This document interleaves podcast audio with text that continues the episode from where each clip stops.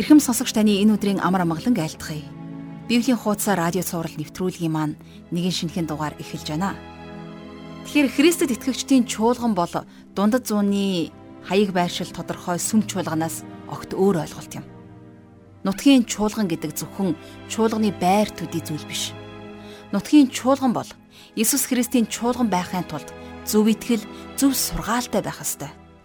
Гадагшаага сайн үйлс нь гэрэлтсэн байх хэрэгтэй нутгийн чуулган хүчрхэг байх эсэх нь засаглалын хэлбэртэй биш харин удирдгчийн сүнслэг байдал зан чанарын төлөвшөлтөд шууд хамаатай байдаг. Тиймээс ч Паулийн 13 цагт л бичигдсэн. Тэгэхээр одоо хэр дэлхийн Христ итгэлд удирдгчдын гарын авлага болсон Тимот химээх номноос бид өнөөдрөөс эхлэн хамтдаа суралцах гэж байна. Тэгэхээр өнөөдрийн сонирхолтой хичээлийг үзэж эхлэхээс өмнө энэхүү цагийг бурханд өргөж хамтдаа залбирцгаая.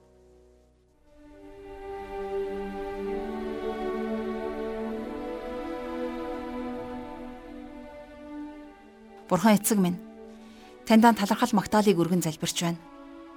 Та бидэнд өөрийн үгийг өгч биднийг махан биеийн дагуу биш харин таны сүнсний хүчээр удирдуулан явахын тулд биднийг үргэлж ариун сүнсээрээ удирдан дагуулаач. Эзэн энэ өдөр ч гэсэн та бидэнд өөрийн үгээ өгөөрэй. Таны үгээр дамжуулан бид таныг таньж мэдэж таны энэ дэлхий дээр үлдээсэн нутгийн чуулган чуулганы гишүүн болох итгэгчд бид ямар байх ёстойг улам илүүгээр ойлгож таньж мэдхэд мөн үүргээ ухамсарлан хариуцлагатайгаар үйлчлэн амьдрахад бидэнд туслаарай. Энэ цагийг эхнээс нь дуусах хүртэл таньда даатгаж эзэн Есүсийн нэрээр залбирanгуйж байна. Амен. Ингээд хамтдаа жаргалагч хичээлд анхаарлаа хандуулцгаая. За өнөөдрийнхөө хичээлээр бид хамтдаа Паулийн Тимотед бичсэн загтлуудыг хамтдаа үзэж эхлэх болно. За бидний өнөөдрийн үзэх 1-р Тимот загтлаас эхлээд за бид нар Паулийн өөр нэг төрлийн загтлуудтай танилцах гэж байна. Энэ бол 1 2-р Тимот болон за Титэд бичсэн загтлууд. Тэгэхээр эдгээрийг бол нийлүүлээд пастрийн загтлууд гэж нэрлэдэг юм. Яагад гэхлээр эдгээр загтлууд дээр Илч Паул нутгийн чуулган яг ямар байх ёстой вэ гэдгийг заасан байна. Тэгэхээр эдгээр пастрийн загтлууд нь Паулийн зарим нэг загталтай. За жишээлх юм бол Эфесчүүдэд хандан бичсэн загталтай нь эсрэгцдэг. Эфесчүүдэд бичсэн загталтаа Илч Паул Христ дотор байгаа бүх итгэгч хамтдаа нэг чуулган гэдгийг. За тэгээ тэр чуулган ямар гайхалтай, сүр жавхлантай, Бурханаас ямар гайхалтай алдрыг авсан бэ гэдэг талаас нь бичсэн байдаг тийм ээ.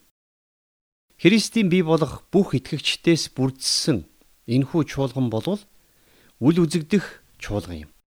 Харин энхүү үл үзэгдэх чуулган нь энэ дэлхий дээр нутгийн чуулган гэсэн нүдэнд үзэгдэх хэлбрээр оршин тогтож байдаг. Гурвалжин дээвэр. За дээвэр дээрх сүмийн гонх эсвэл заалны урд та тайзны гол тавьсан номлогчийн эндэр. Тэгээд тайзны дэргэд байрлуулсан тавцсан дээрээс дуулах найрал дуучид.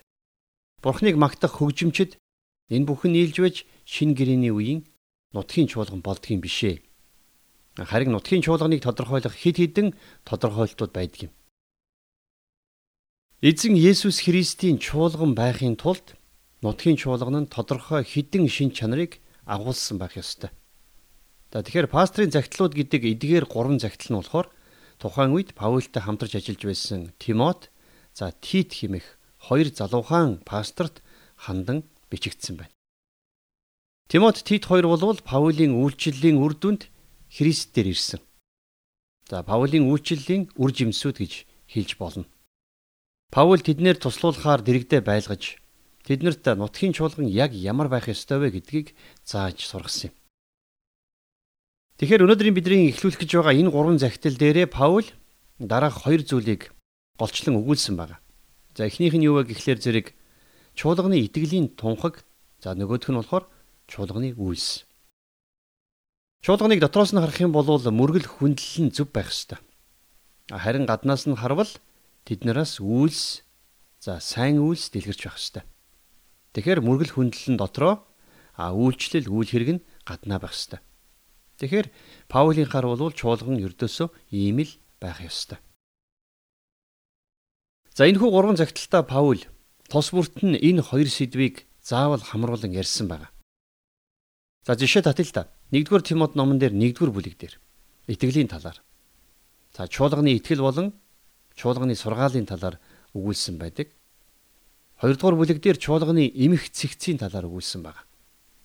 За 3-р бүлэг дээр болохоор чуулганы үйлчлэгч нарын талаар өгүүлсэн байдаг болвол харин 4-р бүлэг дээр итгэлээс урагчдын талаар өгүүлсэн байна. За харин 5 болон 6 дугаар бүлэг дээр болвол Илч Паул чуулганд үйлчлэгчдийн үүрэг, ройлын талаар ярьсан байна. За мөн 2 дугаар Тимотийн загтал дээр ч гисэн Паул мөн энэ сэдвүүдийг хамруулан бичсэн байгаа.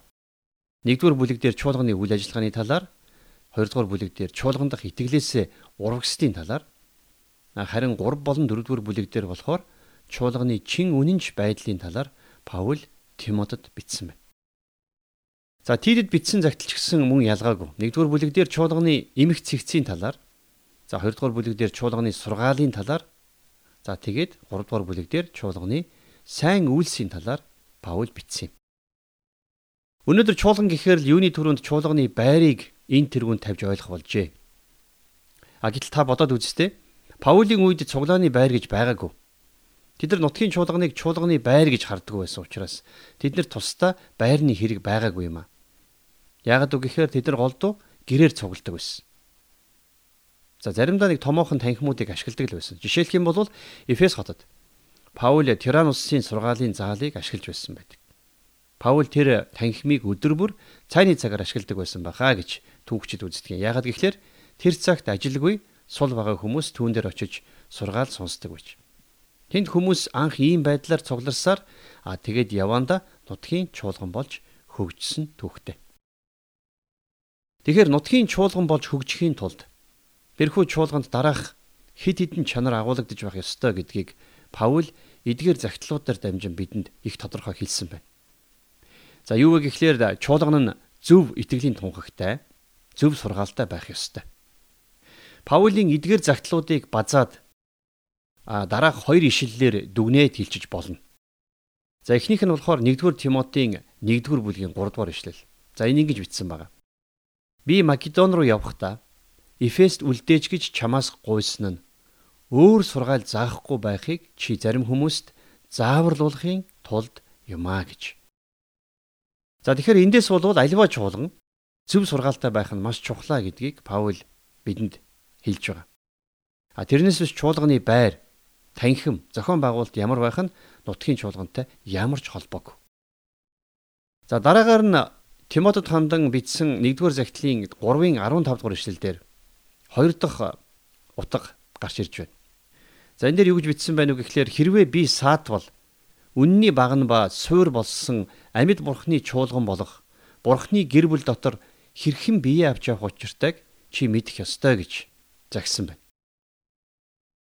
Нутгийн чуулган гэдэг бол Христийн бие болсон итгэгчдээс бүрдсэн бүрдэл юм шүү дээ. Тэгэхээр тэд нарыг эмх цэгцтэй зохион байгуулалттай байлгахын тулд тэдэнд мэдээж удирдлах хэрэгтэй. Тэгэхээр чуулганыг хин нь цэвэрлэж, хин галлаж, итгэгчдээс хин нь хөгжим тоглож, хин нь угтагч хийж байх вэ гэдгийг тогтоохын тулд мэдээж тэнд манлайлал хэрэгтэй тийм ээ. Чуулган эмх цэгцтэй байхын тулд удирдагчид хэрэгтэй гэдгийг Паул их тодорхой хэлсэн байна. Харин хамгийн гол нь тэдгээр удирдагчид нь тодорхой тодорхой шалгууруудыг хангасан байх ёстой гэдгийг заасан байна. Чуулган эмх цэгцтэй байж, эргэн тойрондоо сайн үйлсээрээ тодрон гэрэлтэж байх ёстой. Харин харамсалтай нь энэ чанарууд өнөөдрийн олон чуулгануудад алдагдсаар байна уу даа гэж би анзаарч байна. Нутгийн чуулганууд өөрт нь заавал байх ёстой тэр чанаруудаа гэрэлтүүлэн харуулж чадахгүй хүрээд байна шүү дээ. За Паулийн энэхүү пастрын загтлуудаас чуулганы гурван янзын засаглал байдгаа гэдгийг бид нар бас ойлгож авч болно. За тэгэхээр энэ гурван янзын засаглалыг янз бүрийн урсгал чиглэлийн чуулганууд өөрөө өөрийнхөөрөө авч хэрглэж ирсэн юм а. Хэдийгээр чуулганууд үндсэн сургаалынхаа тал дээр тэр болгон зөрчилдөд байдгүй хэрнээ а яг энэ засаглалын асуудал дээр томоохон зөрчилдөөнүүдийг үүсгэж ирсэн түүхтэй байдаг. За би юу гэж хэлэх гээд байна вэ гэхээр нутгийн чуулган ямар засаглалтай байх ёстой вэ гэдэг дээр хүмүүсийн санал нилээд зөрдөг юмаа гэсэн үг. За Паулийн пастрын гурван загтлуудаас нөхдүүд чуулганыг удирдах гурван янзын засаглалын хэлбэрийг гаргаж авчихсан байна. За энийг би энэ товчхон дурдъя гэж бодож байна. За чуулганы засаглалын эхний хэлбэр бол епископал засаглал. За епископал гэдэг энэ хэлбэр дээр бол нэг хүн буюу нэг хэсэг хүн бүх чуулганыг бүхэлд нь захирна гэсэн үг. За Ромын католикчуудын хувьд тэр хүнээ пап гэж нэрлэдэг. Өөр урсгал чиглэлүүдийн хувьд тэр хүнийгээ тэргүүн бишоп гэж нэрлэдэг. За хэрвээ хид хідэн удирдахч байгаа бол тэднийг бишопчууд гэж нэрлэнэ. Жишээлх юм бол англи чуулган энэ епископол хэлбэрийн засаглалыг баримталдаг юм. Өөрөөр хэлэх юм бол нутгийн чуулганууд нь чуулганаас тусдаа байдаг эрх мэдэл бүхий хүмүүсээр удирдуулна гэсэн үг. За хоёр дахь төрлийн засаглал нь пресбитериан хэлбэр. За энэ нь болохоор удирдлага дотроосоо төлөөллийн байдлаар сонгодог хэлбэр. Тэгэхээр юу вэ гэхээр нутгийн чуулганы гишүүд нь дотроосоо ахлагч удирдагч пасторуудыг өөрсдийгөө төлөөлүүлэн томилоод Тэгээд нутгийн чуулган тэдгэр хүмүүсийн удирдлага дор явна л гэсэн үг. А гэхдээ эдгээр нутгийн чуулганууд арай том байгууллагын дор нэгдээд тэндээсээ удирдуулаад явах боломжийг бас бий болгосон байдаг. За энэ бол пресбитериан хэлбэр байна тийм ээ. За харин гурав дахь хэлбэрийн тухай бас энд дурдгдсан байгаа. Тэгэхээр энэ бол яахын аргагүй congregational хэлбэр. Тэгэхээр епископал чуулганы яг эсрэг засаглалын хэлбэр. Тэгэхээр энэ congregational гэсэн цуглааны засаглалын хэлбэрээр чөлөөт болон баптист чуулганууд нилээд явдаг. Тэнд итгэгчид нь өөрсдөө шийдвэр гаргаж чуулганаа өөрсдөө удирдах явдаг гэсэн үг. Нутгийн чуулгантай холбоотой асуудлаар шийдвэр гаргахдаа бүх чуулган даяараа санал хураалдаар шийддэг гэсэн. За тэгэхээр саяын миний дурдсан епископал, пресбитериан, congregational гэсэн гурван цуглааны засаглалын хэлбэрийг Паул өөрийнхөө гурван загталтаа дурдсан байдаг. Тэгэхээр яахаараа ийм эсрэг тесрэг гурван засаглалын хэлбэрийг гаргаад авчдаг байна гэж та гайхаж үж болох юм. Яагад гэвэл энэ загтлууд дээр гарч байгаа зарим нэг нэр томьёог хүмүүс өөр өөрөөр тайлбарлачаар ийм асуудал үүсэж байгаа маа. Тэгэхээр бид нар хамтдаа пастрын загтлуудыг үзэх зуура би яг энэ өөр өөр тайлбаруудын талаар тухай бүрт нь хилээд явахыг хичээх болно. За сонирхолтой нь юу вэ гэхээр ихэнх үедээ бол чуулганы энэ гурван засаглалын хэлбэр гуруула үр өгөөж маш сайн өгч байсан харагддаг юм. Харин одоо бол улам бүрэлд ордоод урд байснаасаа сулраад байгаа юм шиг санагддаг. Ийм гурван янзын засаглалтай чуулгануудад байдаг янз бүрийн итгэгчид үйлчлэгчидтэй ярилцаж байхад бүгдээрээ адилхан дотоод зөрчил за эмх замбраагүй байдал хагарлын талаар хуваалцдаг. За тэгээд яг жухам хаана алдаа гарчих вэ гэд асуухаар систем нь буруу байна л гэж тайлбарладаг. Тэгэхээр хэрвээ бид нэр их сайн харах юм бол улс төрийн засаглал маань өөрөө энэ чуулганы засаглалаас санаа авсан байгааг бид нэр төвөггүй харж болохоор байна. За энэ тухай ярих юм бол бүрч илүү урт түүх болно л доо. Тэгэхээр яагаад нутгийн чуулгануудын засаглал өгөх ёстой үр дүнгээ өнөөдөр өгч чадхаа болсон юм бэ гэж. Яагаад гэдгийг Паулийн хэлсэн загтлуудаас нухацтай харах юм бол чуулганы аливаа засаглалын хэлбэр нь хэдий чухалч гисэн а тухайн засгийг нь барьж байгаа. Тухайн чуулганыг удирдах байгаа хүнийх нь ур чадвар за хамгийн чухал нь зан чанарууд нь үүнээс илүү чухлаа гэдгийг Паул үргэлжсэн байдаг.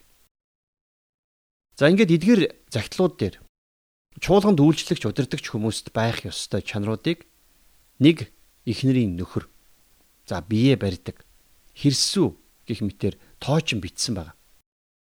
Эдгээр зан чанарууд бол нутгийн чуулганыг удирдах удирдахч хүний хувьд маш чухал юм. Эдгээр чанарууд нь нутгийн чуулганууд дээр голдвол маргааны бай болж байдаг чанарууд шүү дээ. А гэхдээ эдгээрээс илүү өөр нэг үндсэн чанар гэж байгаа. Тэр чанарын тал дээр харин хинч маргадаггүй. Юу вэ гэхлээр Паул энд ингэж хэлсэн баг. Чуулганы үйлчлэгч удирдахч хүмүүс сүнслэг байх ёстой гэж хэлсэн тийм ээ. Яагад гэвэл эрх мэдэл барьж байгаа хүмүүс байр суурьнд очисон хүн өөрөө зүв байхгүй бол ямар ч систем өр өгөөжөө өгөхгүй гэдгийг Паул тодорхой хэлсэн. Хэрвээ манлайлж байгаа хүн л буруу байх юм бол чуулганы засаглалын систем епископал, пресбитериан, конгрегашнл гэд ямар ч байлаа гэсэн ялгаагүй ямар ч үр дүн өгөхгүй. Тэгэхээр та бодоод үзээрэй. Ердөөсөө л гол асуудал энд л байгаа юм тийм ээ улс төрийн хувьд ч гэсэн за чуулганы засаглалын хувьд ч гэсэн ялгаагүй гол асуудал нь эцэстээ манлайлагчийн дээр байгаа юм. Бид нар хин нэгнийг сонгохдоо ажилдаа чадамгай удирдан зохион байгуулах авиастик гэх мэт чанаруудыг хардаг. За мэдээж бол эднэрийг харах нь бол мэдээж асуудал. А гэхдээ бид нэр тухайн хүнийг хэр сүнслэг хүн бэ гэдгийг өөрөөр хэлэх юм бол хэр бурханд хайртай бурхантай хэр их ойрхон хүн бэ гэдгийг нь харж анхаарах нь илүү чухал. Сүнслэг удирдагч хүн дараах хоёр чанарыг агуулах ёстой гэж Паул нэмж хэлсэн байна. За эхнийх нь болохоор тэр хүн итгэлийн хүн байх ёстой. За хоёрдугаарт нь тэр хүн хайраар өдөөгддөг байх ёстой гэж. За энэ хоёр чанар тэр хүний амьдралд хэрвээ байхгүй болвол хүн ямар ч чадвартай байгаад хамаагүй. Чуулганыг хизээж удирдан авч явах боломжгүй. За хамгийн энгийнээр ярих юм бол чуулганыг удирдах байгаа хүмүүсийн гарт байгаа эрх мэдэл бол үндсэндээ эрх мэдэл биш ээ. Паул хэлэхдээ хэрвээ та чуулганд ахлагч, удирдагч, пастороор томилогдлоо гэд өөрийгөө эрх мэдэлтэй итгээд болчихлоо гэж бодож байгаа бол эндүүрч байна гэж хэлж байна. Тэр чинь эрх мэдэл биш ээ гэж хэлсэн. Яагаад? Яагаад гэвэл чуулганы тэргүүн нь хэн бilé? Тийм ээ. Чуулганы тэргүүн бол Иесус Христ. Тэгэхээр ариун сүнс чуулганыг чиглүүлэн удирддаг. Харин ахлагч удирдагч хүн өөрийнхөө хүслээр юу ч хийх ёсгүй. Харин Бурхны хүслийг л таньж мэдэх ёстой. Өөрөөр хэлэх юм бол тэр хүн гарцаагүй итгэлийн хүн байх ёстой гэсэн үг.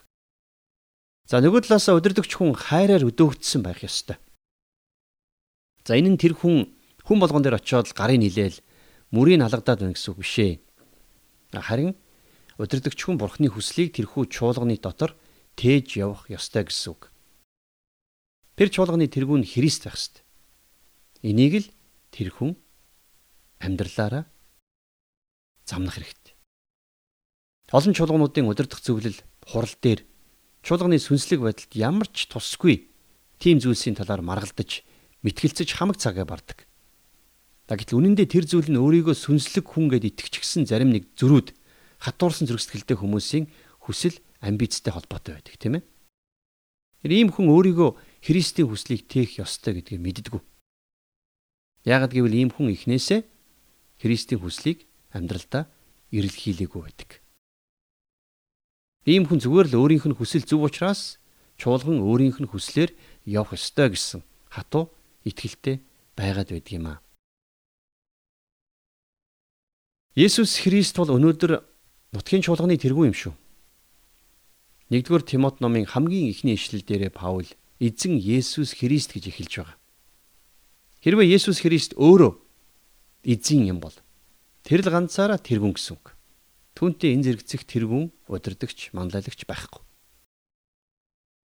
Өнөөдөр цуглаан дээр маш олон хүмүүс Есүсийг эзэн минь, эзэн минь гэж дууддаг. Тэгсэн хэрний үгийг нь дагдаг. Харин чуулганы үйлчлэгч хүн болвол За манлайлан удирдахч хүн бол Христийн хүслийг түүний тушаалыг дуугүй даган биелүүлдэг байх хэвээр. Яагад гэвэл Есүс л цор ганцаараа нутгийн чуулганы тэргүй юм. Тэм учраас би хинтээж хэний ч чуулганы засаглалын талаар маргахыг хүсэхгүй. Хэрвээ та өөрийнхөө чуулганы засаглалыг хамгийн зөв, сайн гэж бодож байгаа бол болж байна. Асуудалгүй. Та түгээрээ л яв.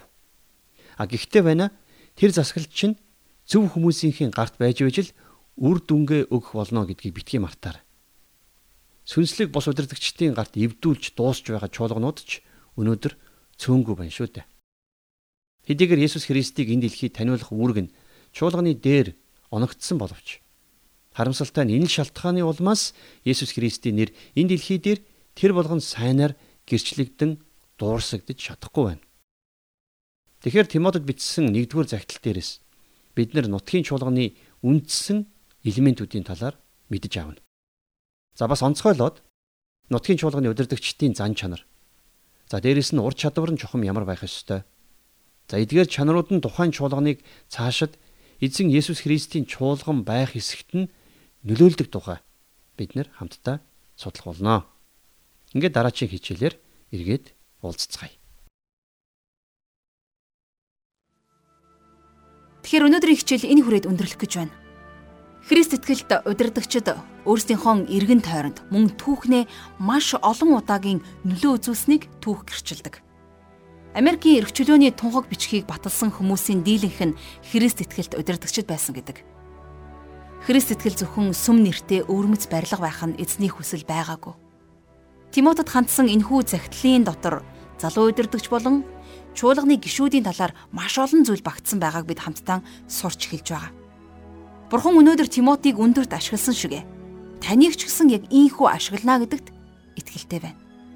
Хичээлээ үргэлжлүүлэн сурахдаа өнөөдрийн олон буруу ойлголтын талаар мэдлэгтэй болоод мөн бусдад хуваалцаарай гэж хүсэж байна. Үнэхээр чуулганы тэргүүн бол Есүс Христ юм.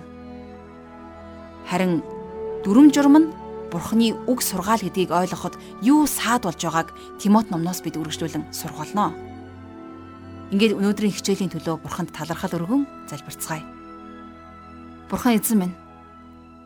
Таньда баярлалаа аваа. Энэ өдөр та бидэнд өөрийн амьд ариун үгээ өгч, өөрийн гайхамшигтай үгээрээ дамжуулан өөрийн хүслээ илчлэн өгсөн учраас таньдаа талархал магтаалыг өргөж байна. Эзэн минь та бидний сүм чуулгануудыг хүчрхэгжүүлж өгөөч. Үүний тулд та бидэнд өөрийн хүслийн дагуух тэрхүү сүнслэг төлөвшсөн удирдгчдыг бидний дотроос олноор нь босгон байгуулаач. Тэгээд их эзэн минь Монгол нутагт хүчрхэг чуулганууд бий болж таны нэрийг Монгол орон даяар Монгол хилтэн Монгол туурахтанд тунхаглан гэрчлэхэд та биднийг тосоор тослооч гэж гуйж байна. Эзэн Таньдаа бүх талархал магтаалыг өргөж эзэн Есүсийн нэрээр залбирanгуйж байна. Амен.